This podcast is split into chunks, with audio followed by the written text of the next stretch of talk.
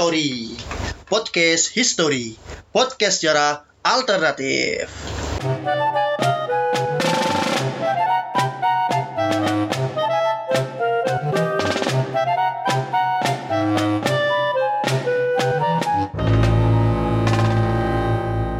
Selamat datang di podcast History episode ketiga. Podcast yang mempunyai misi mengangkat orang-orang tanpa sejarah dan memperbincangkan sejarah yang jarang dibicarakan oleh orang-orang. Ya sebelum kita mulai podcast eh, episode kali ini sebenarnya kita mau apresiasi sih. Ternyata ada yang denger juga. Ada, banyak. ya Iya. walaupun nggak sampai selesai mungkin atau gimana. Iya. Tapi beberapa eh, respon dari teman-teman yang denger ya bikin kita lebih Iya, seneng ingin Giat. untuk membuat dan rajin Konten ya kan? lagi gitu Mm, ya. Bener.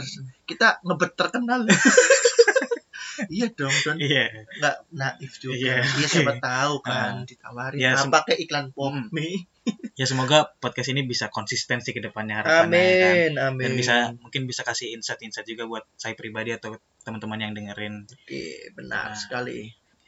ada beberapa masukan Mm-mm. yang eh, memberikan saran tolong dibahas lagi nih apa Hmm, eh, tentang lelembut ini gimana iya, karena kemarin memang lebih panjang ke narasi KKN sendiri iya, ya sinopsisnya. makanya mungkin di episode kali ini kita akan coba memberikan insight lebih nih tentang dunia lelembut lelembut ini ya nggak sih Mm-mm. Uh-uh. Sebenarnya kan kemarin tuh perbincangan awalnya gara-gara eh, masalah KKN yang berhantu itu kan. Terus ada sosok yang namanya Badara Wuhi yang digambarkan itu sebagai perempuan siluman ular ya. Hmm. Karena, oh ya ya ya uh-uh. Nah, terus nyambung nih kita kemarin tuh kan habis itu habis apa siaran itu sempat aku ngobrol-ngobrol kan sama Odon kan. Apa masalah hantu itu terus ya nyerempet-nyerempet lah Hmm. ke film-filmnya Joko Anwar lah pengabdi Hmm. setan dan Ya sebenarnya kalau dilihat-lihat sebenarnya kan kalau misalnya dari dunia perhan eh, Hmm. dunia perhantuan di Hmm. dunia ini bisa dilihat kayak di film-film horor tadi misalnya dari Joko Anwar kalau yang di Indonesia Pengabdi Setan. setan terus ada Susana juga terus kayak misalnya ada beranak dalam kubur kayak Hmm. jelangkung danur ya, dan- pocong Mm-mm. terus tuyul dan Mbak Yul itu mah Itu terus. Oni Saria loh nah itu kalau yang di itu Indonesia yang isi apa pengisinya Sinchan ya sih itu nah itu Oni kan itu yang itu. di Indonesia terus kalau Hmm. kalau yang di luar negeri kan film-film horor di luar negeri kan kayak vampir Hmm. terus eh, falak kan itu kan yang diperan Falak. kayak biarawati eh, di, Mm-mm. di gereja gitu-gitu terus kalau misalnya di Jepang kayak ada sadako Mm-mm. terus Casper nah kan kalau Indonesia bentuknya itu tuyul tuh gitu terus pocong Iya. tuh kayak bentuknya ya udah dikafanin gitu Iya. segala macam kuntilanak gitu ini nih gombel ger- geran eh gerandong Mm. ya udah gerandong iya Grande genderuwo dan segala macamnya sedangkan di di luar tuh ada vampir yang bentuknya Hmm. eh, ditempelin apa sih Iya. ya itulah itu vampir Cina kan oh be- Mm. Vampir juga ada macam-macam ternyata Iya, vampir Cina sama vampir Eropa kan beda nggak sih? ya ada Vampir Cina kan kita kan dapat gambarnya dari boboho kan. Mm, itu Hmm. vampir terus kayak falak ada beda Hmm. lagi sadako juga beda lagi Hmm. nah sebenarnya kenapa sih bentuk hantu itu beda beda Mm-mm. Ya men- menurutku kayak hantu tuh kayak ekspresi kebudayaan nggak sih? Kebudayaan masing-masing wilayah gitu loh. Hmm. Jadi kenapa misalkan vampir Cina bentuknya harus ancul-ancul, harus lompat-lompat terus vampir yang ada di Eropa kan Transylvania kayak Hmm. itu harus bentuknya kayak gitu. Ya aku kira ekspresi kebudayaan yang menurutku kayak mm, mitologi atau perhantuan atau lelembut itu juga eh, dipengaruhi landscape geografis, landscape Hmm. geopolitik, ya kultur masyarakat di sana gimana, Hmm. ya kayak gitu sih. Jadi intinya tuh kit- eh, aku tuh sama Odon tuh ya gara-gara eh, KKN yang kemarin booming itu jadi cerita masalah hantu. Mm. Nah, terus nyambung-nyambung kok bentuk hantu di Indonesia kok rata-rata cewek ya. kebanyakan perempuan kayak Kebanyakan tadi- cewek, di- kalau uh. cerita KKN itu kan Badarawi Badarawuhi. terus eh Kita kita tuh kayak punya kita tuh kayak punya kuntilanak, kuntilanak terus, Terus, wewe gombel wewe gombel, sundel bolong, sundel bolong. si manis jembatan Ancol nggak sih? ya si manis jembatan. Mbak, Bahkan- Yul, Mbak Yulnya itu termasuk hantu kan? Siapa anjir? Tuyul dan Mbak Yul. Anjir, enggak anjir. Mbak, mbak, oh iya ini Mbak Yul ya. Ada satu lagi hantu coy, satu cewek coy. Apa? Si Mumun. oh iya itu Mumun. itu serem sih kayaknya Mumun ih itu Serem paling paling zaman dulu serem kan. paling paling Susana serem sih yang paling ik- ikonik Iya, ya paling ikonik Susana. Jadi apa ya? Kita tuh kayak nah Nyi Roro Kidul juga kemarin ada ah nyirok nyirok kidul. Eh, Jadi kita tuh kayak apa ya? Membahas-bahas kayak misalkan kenapa sih hantu Indonesia kok rata-rata perempuan semua itu loh. Mm-mm. Nah, kayak misalkan kebanyakan perempuan banyak perempuan terus kayak kuntilanak sudut bolong si manis jembatan ancol dan lain-lain itu itu orang merepresentasikannya Iya, perempuan Kenapa? perempuan gitu loh. kenapa tuh Aku tuh kemarin tuh kayak sempat sempat baca gitu loh Mm-mm. di apa sinema sinema Puitika ya jadi kayak salah satu website yang mereview tentang film. Mm. Jadi nggak tahu tapi kayak dia tuh kayak melihat bahwa di kita itu ternyata masih peran perempuan itu tuh kayak masih banyak. Kayak misalkan di beberapa daerah. Artinya masih kuat. Misal Hmm. di Padang nih matrilineal gitu kan. Mm-mm. lu kalau misalkan eh ibu lu kan di Ibu sana kan ibu kamu. Aneh ya aku ngomong lu. Di Padang kan dia kan ibu mem- mempunyai peranan penting ya. Iya, artinya dia punya aku harus sampai hak keturunan. Makanya Mm-mm. kayak di kalau pernah baca novelnya tenggelamnya kapal Van der Witch Mm-mm. Si Iya, iya. yang tulis Hamka itu nonton sih uh, film uh, nonton filmnya kan itu kan si Zainuddin Ah. itu kan nggak diakui di Minang karena ibunya bukan Minang Iya betul uh, uh, keturunan eh, Makassar kalau- Bugis Eh. ay- ibunya Bugis Ah. bapaknya yang Minang Oh, jadi yes. dia ya di di Minang tuh nggak punya kekuatan apa apa Mm-mm. artinya masih secara garis garis ibu tuh luar biasa artinya maksudku kalau di website itu ngomong ya bahwa sebagian besar kepulauan Nusantara Zanzibar ka- yang ada di Nusantara Katulistiwa ya Hmm. itu tuh kayak ibu tuh masih menjadi sosok yang paling dihormati gitu loh ya mungkin kalau Yes. kalau di apa eh, kerajaan-kerajaan kayak Ibu Suri masih didengar gitu loh Aha. Nah, itu itu salah satu salah satu alasan mengapa kemudian eh, hantu itu kenapa harus perempuan. Jadi kayak sosok perempuan itu dipandang punya siapa kuasa dalam struktur masyarakat Mm-mm. pada pada zaman tertentu ya. Mm. Itu jelas nggak mewakili tempo zaman sekarang juga. Nah, itu Mm. mungkin salah satu alasan. Nah, terus aku coba bandingin. Misalkan tadi kan ketika si penulis sinema Pitika ngomong bahwa oh perempuan ini jadi hantu karena meskipun eh, dia kayaknya di struktur sosial kan ada yang ngomong ini agak ringkih ya kalau bagi orang-orang yang ngomongin tentang feminisme atau gender segala Oke, macam. oke.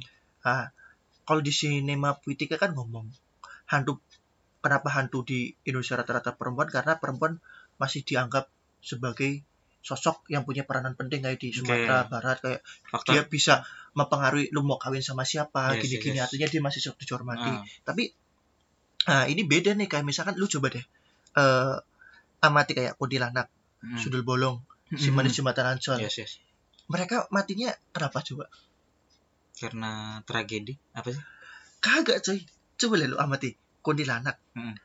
Ya kan? Sudul bolong si manis jembatan ancol nah tiga tiga sosok perempuan ini Hmm. ini matinya pasti diperkosa. Pasti diperkosa dulu. Kebanyakan? Atau ya semua enggak lah anjir. Ya kuntilanak. Lu pernah nonton nggak Enggak. anjir. Kayak kul- kuntilanak kan dia kan diper- diperkosa. Terus Mister. menuntut balas. Nah K aja ya iya miss K. Ya nggak apa-apa lah. oke.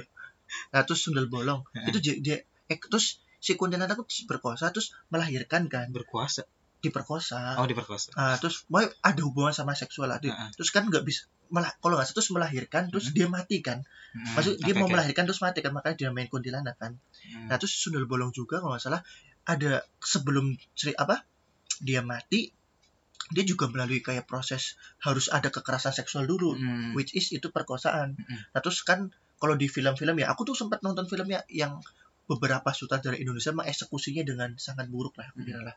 Terus kena kena ini loh kena punggungnya kan kena kayu kan terus jadi Mm. jadi bolong gitu. Si Mm. manis jembatan ancur pun kayak gitu. Mm. Jadi kena kekerasan seksual. Mm. Nah jadi tapi per- ke- sempat baca juga sebelum ber- beberapa waktu lalu dari film-film Joko Joko Anwar di film-film horornya itu memang beberapa filmnya lah itu memang eh, apa ya mengangkat sisi perempuan yang tertindas gitu kayak misalnya kayak eh, apa kemarin tuh apa eh pengabdi setan. Set- pengabdi setan kan Iya. Sih?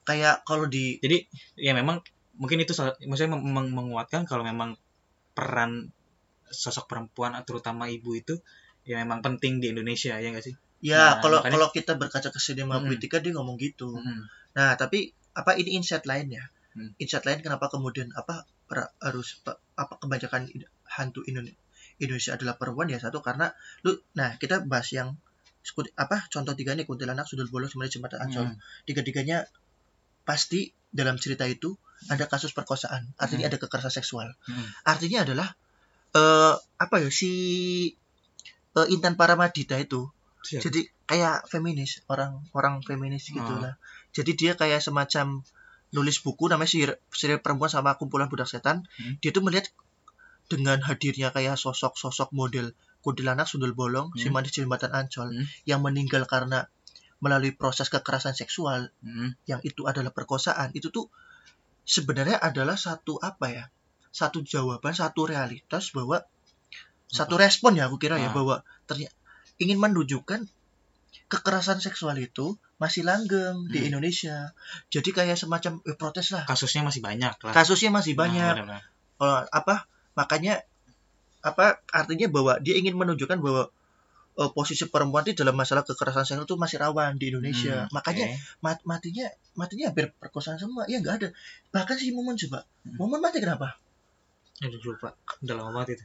Itu tuh kayak apa ketabrak je, mau ditabrak Jepri apa nggak salah. Tapi se- sebelumnya kan Momon ada ada proses-proses si Jepri itu kayak mau merkosa merkosa juga. Jadi di Oh, kita iya. tuh di kita tuh kayak semacam apa ya?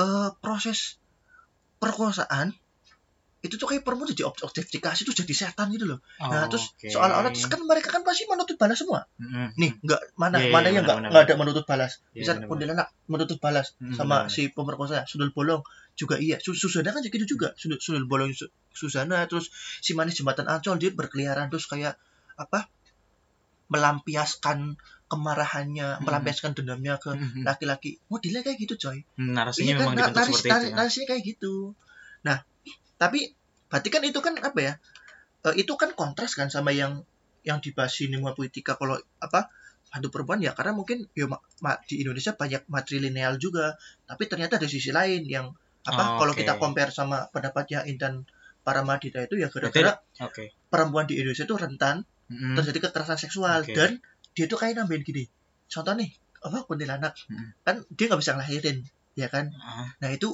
menunjukkan bahwa akses pelayanan publik kesehatan ah, di Indonesia itu sangat jarang. Masih itu kayak bentuk protes. Masa ngelahirin aja nggak bisa? Sampai sampai kayak gitunya loh terus sampai jadi sih? setan. Oh iya. Kayak gitu coy. Apakah apa apa dengan apakah berarti kritik zaman dulu mungkin melalui pendekatan-pendekatan klinik-klinik gitu biar diterima atau memang karena ya memang ya udah gue mau bikin karya yang tentang horor terus me- membawa tema tentang perempuan atau segala Nah. macam atau gimana? Enggak, menurutku gini Don. Apa? Lu amati deh. Ini setting setting tiga eh, tiga film ini deh. Kuntilanak, Sundul Bolong, Si Manis Jembatan Ancol ya. Mungkin Si Manis Jembatan Ancol pas kolonial. Kuntilanak, Sundul Bolong atau Pocong Mumun deh dan lain-lain. Itu settingnya kapan? Pas kayak pas Indonesia merdeka kan. Ya, Artinya maksudnya itu pas ada pemerintahan. oke. Beda kayak misalnya setting-setting apa kayak eh Nyirol gitu lah apa apa. Nah. Artinya gini misalkan si Intan kan? Parama Mak Lampir lah atau Pak si Intan Paramadina ngomong bahwa apa eh, si kuntilanak itu hadir gara-gara pemerintah lalai atau nggak ada ketersediaan akses Hmm. layanan kesehatan dalam melahirkan ya dia menurutku fine fine aja Oke, karena tokoh-tokoh ini fiktif ini munculnya pas kita merdeka kan Hmm. nggak pernah dengar kan bahwa oke. kuntilanak ada dari zaman dulu Hmm. kita kan apa ya eh, mereka tuh hadir Hmm. lu ya kan masa ada gambar kuntilanak pot pocong Repres- atau gambarannya dalam segala macam dari mana dari, dari film. cerita dari film dari film kan dari bahwa mereka TV. bentuknya kayak gitu kan yes, yes. nah artinya maksudnya ya eh, sosok sosok ini dibuat bahwa untuk counter ya eh, apa ya representasi zaman itu ya misalkan Susana ada pas zaman eh, orde baru. Apakah itu akan lebih relate sama orang zaman dulu? Atau ya enggak selalu aktual menurutku don. Ya kan kan nggak pernah dengar kuntilanak pas zaman Majapahit nggak ada kan? Ya kan? Kita baru baru ada loh ini. Ini Oh, hantu gitu. modern loh menurutku loh kalau zaman zaman Majapahit itu? Nggak ada cuy. Ya Nggak paling kan kayak nyeror gitu atau apa. Oh iya iya ya artinya maksudnya dia make sense bahwa oh ternyata iya berarti kan iya berarti ada kekerasan seksual ya Iya. kan? Terus ada tidak tidak hadiran layanan pemerintah dalam akses kesehatan Hmm. intan para bedanya nyautinya kayak gitu. Oke. Tapi kita telisik emang bener kan mereka hantu modern kan? Iya berarti kan itu si Intan Pariwara. Para para madita para para mata peang para wanita itu kan eh, apa mem- me- me- mengangkat isu sosial dengan cara klinik-klinik ini agar relate gitu sama ya kondisi benar dia dia berusaha Apa, dengan menjelaskan ketertarikan- ah, ah, ter- ketertarikan keterkaitan dengan isu-isu sekarang bahwa oh ternyata kayak gitu. Jadi dia melihat bahwa kayak sosok-sosok itu adalah justru sosok-sosok apa ya resep- re- representatif. re- eh, benar dari sebuah protes. Itu bahwa kekerasan seksual masih marak di Indonesia perempuan masih menjadi Tapi- eh, tapi eh, apa kayak apa diobjektifikasi Ah, oke. jadi apa kayak kelas yang jadi nomor dua laki tapi se- seberapa besar orang yang menangkap pesan itu gitu? Maksudnya eh, selama ini kan kayak horror ya udah gitu. Ya. Maksudnya hantu seberapa itu ya udah horror seberapa, jadi seberapa- akhirnya tapi kan Apa? minimal itu kan apa ya menjawab kegelisahan kita loh. Kenapa oh, oke. kenapa sih pada perempuan? Jadi oh, ini- iya, iya. ini balik lagi pertanyaan tokoh-tokoh awal tadi iya ya. kan tokoh-tokoh ini apa sih? Maksudnya Mm. untuk kenapa sih harus perempuan? Kenapa Oke, nggak oke. harus lain? Nah itu kan juga maksudku kayak gini loh Don kayak melanggengkan contoh nih Hmm. kita balik lagi pertanyaan kamu pertama kali perjumpaan sama tokoh-tokoh ini nggak dari cerita orang tua kan aku pertama kali tahu Hmm. kuntilanak sundel bolong dari film Susana iya dari Susana itu sih mungkin gini dari pocong mungon dan ada apa ya ada sebuah desain bahwa menurutku ya ini kan film Hmm. ya kan terus kemudian dia didanai dong Hmm. orang Betul. didanai pasti ada untung pengen Hmm. meraup untung ada Mm. sasaran pasarnya Ya. orang mau sasaran pasar Mm.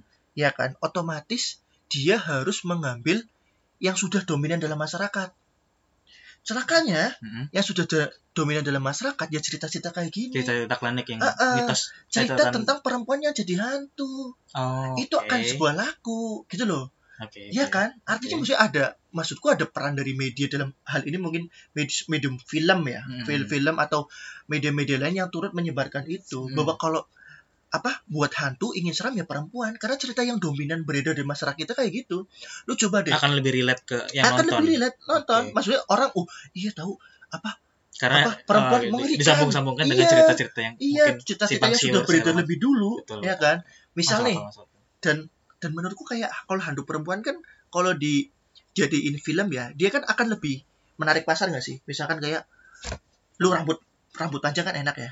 Lu Maksudnya misalkan gimana? ya ya, ya maksudku misalkan hantu cowok ya nggak ada ra- rambutnya kan nggak serem. Ketak iya kan? Maksudnya Mis, misalnya Susana. Susana jadi hantu ya kan? Nah. terus goda tukang sate. Heeh. serem nggak? Serem. Serem. Coba bokirnya yang jadi hantu. Gak serem coy. Karena nilai dominan di masyarakat kita ya kan? Yang serem itu perempuan. Jadi ada apa ya? Ada peran pasar juga di sana. Ada peran konstruksi aja. Oke oke hantu oke juga bahkan di konstruksi sosial menurutku loh ya. Hmm. nah terus belum lagi misalkan kayak kayaknya katanya ketawa aja lebih seram kalau cewek ya kan Yes. terus ada gimmicknya terus coba deh coba deh lihat Saya- aduh ya misal coba deh coba Nggak, lihat nggak, nih. nggak. enggak enggak maksudku nih Iya. kayak contoh nih di Enggak. film-film kan Oke, di film. pasti kan ada hantu goda laki-laki dong Oh, betul. Ya, ada nggak sih bisa Susana Bang Bokir? Iya, Ya kan? pasti kan ada kan. Iya, iya, Coba iya. yang goda Bokir, terus yang nggak yang bukan setan Susananya kan aneh.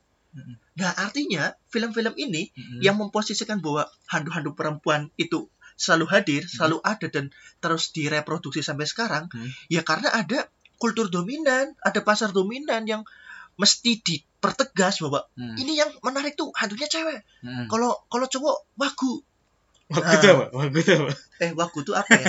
Aneh lah, Aneh. nyeleneh, janggal Iya. atau Ya sebenarnya secara Fail. secara secara kes- kesimpulan sebenarnya ya karena lebih relate aja sih ya dengan masyarakat Indonesia. ya Nah, bener itu kan tadi eh, menjawab pertanyaan kenapa eh, kebanyakan atau hampir hampir semua enggak enggak semua kebanyakan hantu-hantu Indonesia eh, di- direpresentasikan dengan sosok perempuan. Iya. Nah, heeh. Kalau ada untuk insight lah. kalau untuk di luar negeri nih kan misalnya tadi disebutin ada kayak vampir terus Hmm, sadako itu cewek juga tapi terus kayak falak nah hmm.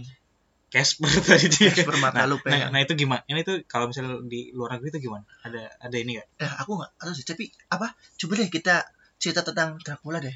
hmm. Aku tuh kemarin eh Dracula tuh vampir beda lagi. Vampir coy. atau Ah, enggak, aku tuh GGS kayak semacam GGS gitu. GGS GGS apa ya?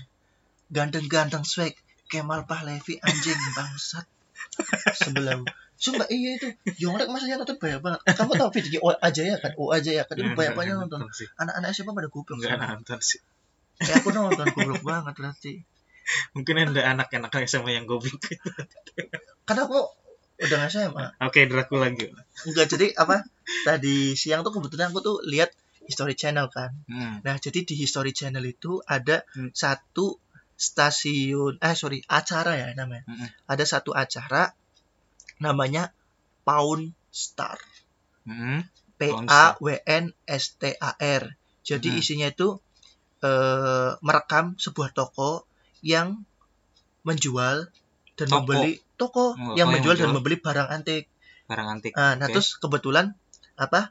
Pas episode itu Hmm. ada laki-laki yang jual peralatan vampir. Sorry, peralatan Laki-laki maksudnya vampir. orang yang jualan di situ. Enggak, jadi kan misal nih aku punya toko nih. Ah. Jadi toko Pound Star itu toko gadai. Ah, ah. Kamu yang punya toko nih, Ah. namanya si Rick. Aku datang, Sirik. Rick, Rick, Oh, Rick Rick. namanya Rick. Ya kan? Nanti di- dilihat di YouTube ada Iya. na- apa? History Channel Pound Star gitu. Oke, nah, terus? terus kamu yang jual eh, yang punya toko nih. Hmm. Aku datang. Hmm. Apa? Nih, aku punya peralatan pemburu vampir. Mau beli nggak? iya mau beli Mau nggak kamu nawar berapa itu Oke, nah oke. nah tapi intinya adalah terus di sana dia kayak menceritakan kayak vampir gitu loh don jadi Si anehnya, Star, eh, si Sirik. Rick, eh, Rick? Rick. Si, ya, Sirik. Pornstar sama tokonya Iya. Rick itu menceritakan apa kayak aku tuh nggak percaya ada vampir karena mereka nggak Rick Eh, Ricknya Iya, susah ya Sirik. Rick. Ya, oke. Rick tuh nggak percaya ada vampir dan segala Hmm. macam gitu kan terus apa tapi kok kan dia banyak baca kan terus Hmm. dia sampai pada kesimpulan kalau nggak ada vampir Mm-mm. ngapain ada peralatan pembunuh vampir ini buat apa gitu loh Lah, kenapa dia punya si Sirik itu? Buk, si yang orangnya or- Oh, orang si yang yang ngasih eh, eh, yang yang jual Rick tuh yang punya toko kamu punya toko gadai nih aku Oke. datang bawa Nah, bawa yang, yang, peralatan vampir yang katakanlah aku X nih Oke.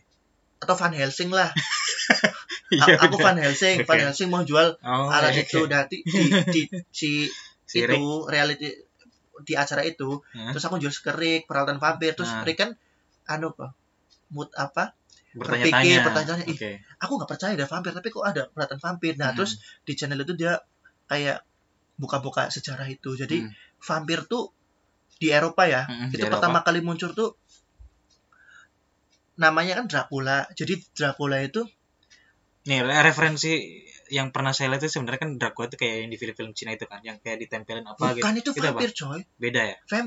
beda jadi Oke. vampir vampir vampir Cina sama vampir Eropa, Eropa. tuh beda kalau di Cina kan dia Hmm. ancul-ancul orang mati Ancur-ancur terus, Ancul- loncat-loncat. loncat-loncat Ah. nah Nah, terus itu ditempelin gitu kan terus dia mereka kan secara pakaian kan beda kan Nah, maksudku itu kenapa vampir kayak gitu ya? Karena tipe pemakaman Cina kan kayak gitu. Mm-mm. vampir kan pasti kan eh, kalau digambarkan di medium film ya dia mengikuti adat atau pemakaman setempat. Kalau di Mm-mm. Eropa karena pakai jas ya vampirnya ganteng-ganteng.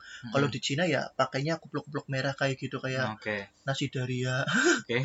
Sallallahu alaihi Nah, sorry Ki, lanjut yang Van itu kan. Helsing. Nah, terus nah, Van terus kan Helsing Sirik itu ber, alat. apa? studi dokumen kan. Oh, ternyata eh, pertama kali muncul kata kosakata vampir itu Mhm. dari Dracula. Dracula sama dengan vampir kan. Oke. Nah, terus itu tuh merupakan karya fiksi sebuah karangan Dari? nama uh sorry. Brom Brooks Tumbler apa ya? Aku lupa. Nah, jadi referensinya sana. Hmm. Jadi ceritanya tuh eh, si Brock Stammer itu ngangkat sebuah raja namanya Vlad Vlad Dracul. Berapa? Itu raja Romania gitu Oke. yang menghadapi invasi Turki Invasi. Utsmani. Oke. Nah, terus kan Turki Utsmani kan Coba agak pelan-pelan saya. oke mau menghadapi invasi Turki Utsmani Ah, kan. Terus. Nah, terus si raja Vlad Dracul itu Ah, takut Oke. nanti kalah karena kan wak- waktu itu Turki Utsmani kan lagi gede-gedenya kan Hmm. sekitar abad Lagi viral-viralnya. 16 17 iya lagi viral-viralnya Terus? Sulaiman Agung halo guys itu raja paling terkenal di Turki Utsmani nah si Ottoman orang Eropa ngomongnya Ottoman sih Oke. nah terus si Vlad Dracul itu Mm-mm. kemudian membuat perjanjian dengan iblis makan darah gitu loh Don nah Oke. terus akhirnya dia bisa jadi kelelawar sama dia Mm. menghisap darah kalau di Tapi itu fiksi. referensi fik- fiksi Oh, fiksi. Nah, terus tapi Don, kenapa sejak kapan kemudian orang-orang kan itu kan berarti kan cerita itu kan beredar di sekitar Rumania dan Eropa lah katakanlah ya. Oke. Kenapa bisa sampai ke New England? Nah, New sirik England, oke. New England tuh Amerika. Iya, oke. Kan dulu dia negara jasanya Inggris Iya, Amerika. iya.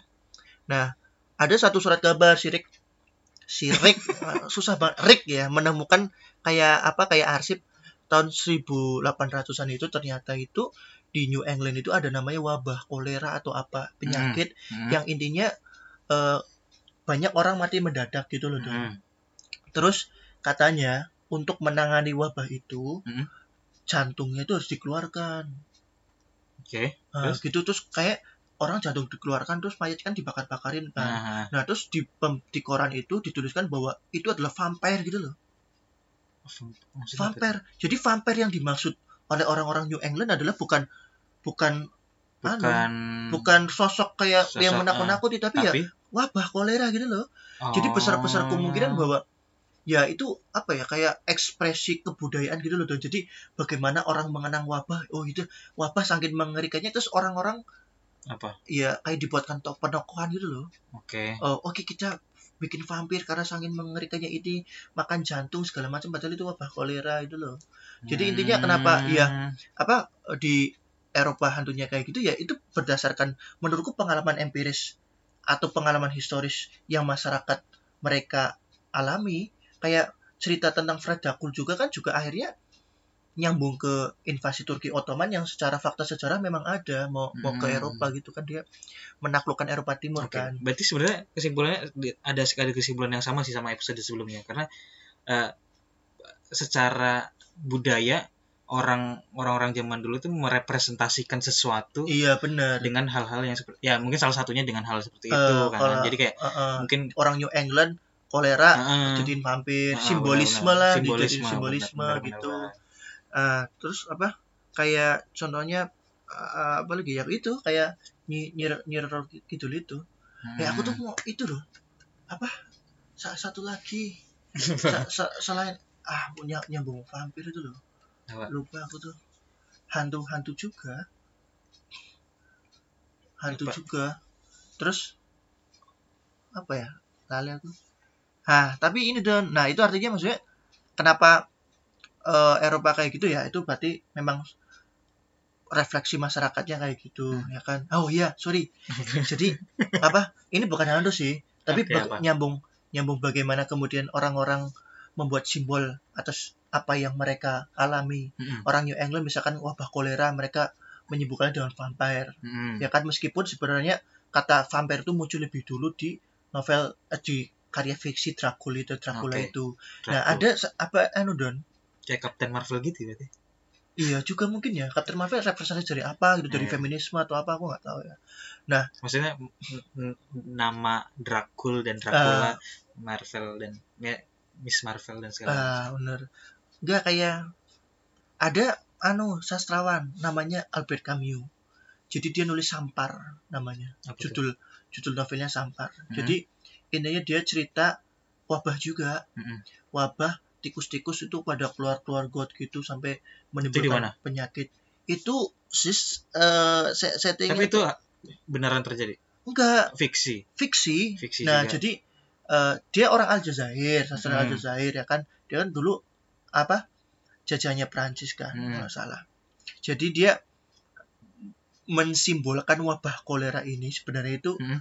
penjajahan pas perang dunia Eh, jadi pas apa si, eh, si Prancis kan kemudian kalau salah diduduki ya sama Jerman. Pokoknya dia menceritakan itu bahwa pendudukan bahwa penjajahan itu ya wabah gitu loh. Ya Oh, mirip-mirip oke, kayak itu bagaimana orang mendokumentasikan sebuah peristiwa yang menurutnya mengerikan kemudian dibuat simbolisasi termasuk Hmm. itu. Ya termasuk kayak misalkan ya cita-cita kita tentang ketakutan kita tentang hantu perempuan atau segala macam Mm-mm. tapi gini don ah, apa ya eh ada satu yang penasaran. Misalkan gini coba deh hantu-hantu hantu kita kan settingnya kan kayak modern banget ya kuntilanak kuntilanak modern banget udah Indonesia merdeka Oke lah ya. kecuali si ya. manis jembatan Ancol yang nggak tahu ya tapi gini dari tiga hantu sundal bolong kuntilanak Hmm. satunya apa si manis jembatan Ancol eh kita lupa susternya shot oh, iya. Nah, ini tuh pasti ada kaitannya. Apa? Mereka diperkosa ta- dan mereka balas dendam. Hmm. Nah, unsur balas dendam ini yang sebenarnya menarik Apa karena tuh? ah, tuh yang ya, menarik dari balas dendam. enggak maksudku hantu-hantu perempuan yang tiba-tiba balas dendam gitu loh. Oke. Ber- diperkosa terus balas dendam gitu Oke. loh. Maksudku aku pengen kayak apa ya? Aku ya pengen nyambung-nyambungin aja ya, nggak tahu ya. Cocokologi ya. ya cocokologi ini nggak tahu ya ini bisa kemudian eh, mungkin para apa apa teman-teman eh, kaji Bisa lagi lah kaji lagi lah Komen juga. eh, nah jadi di Jepang tuh ada namanya Izan Izanagi sama Izanami Oke.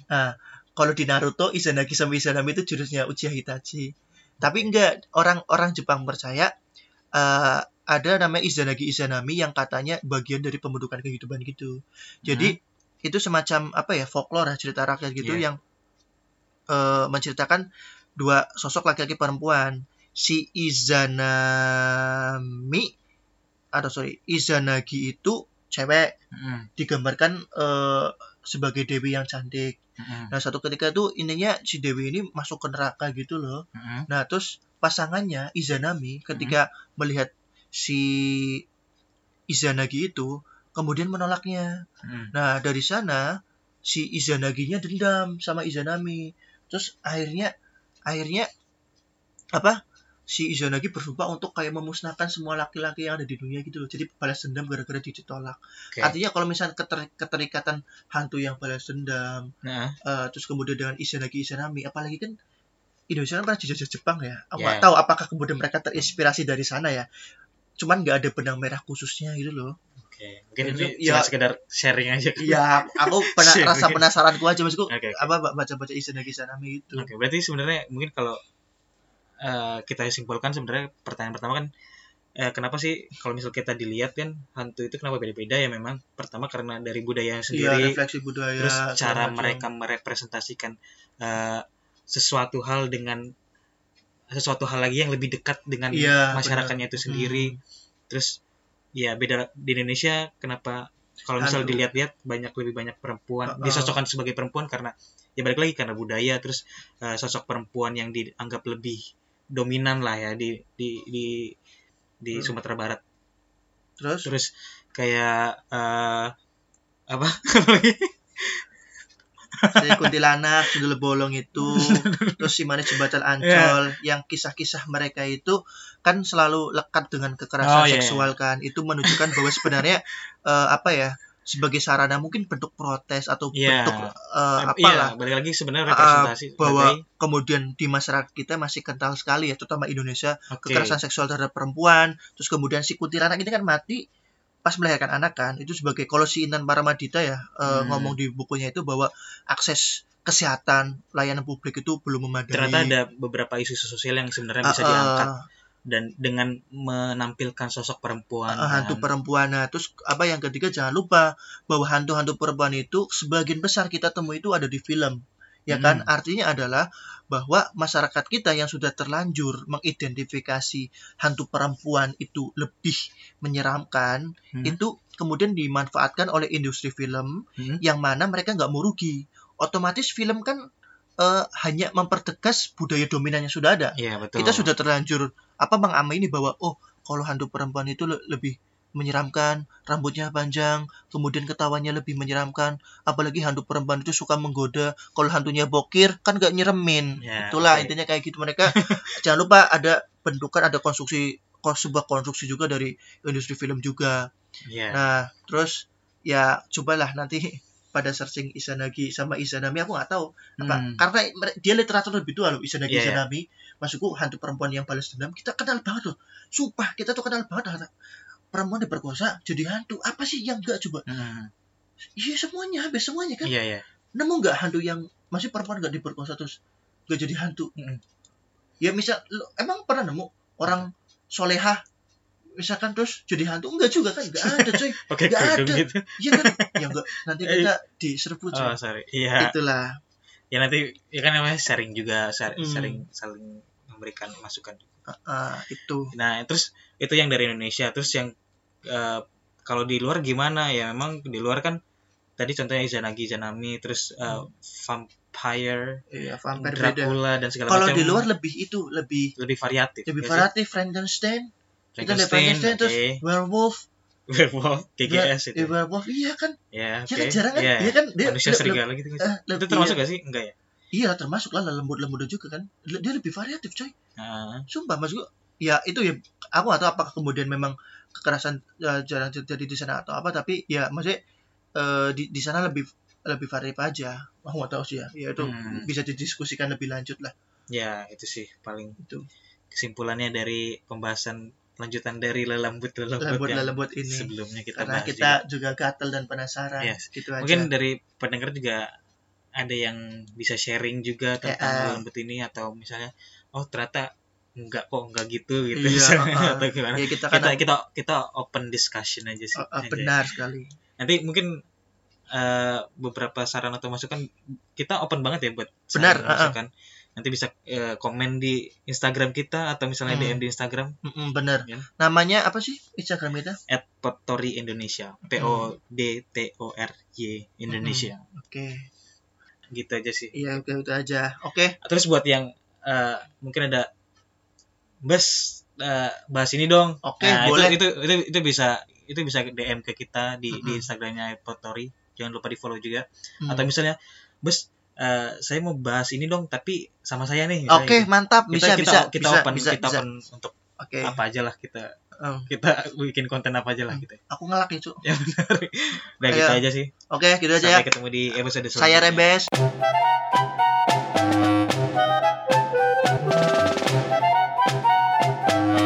Potori. Podcast History. Podcast secara alternatif.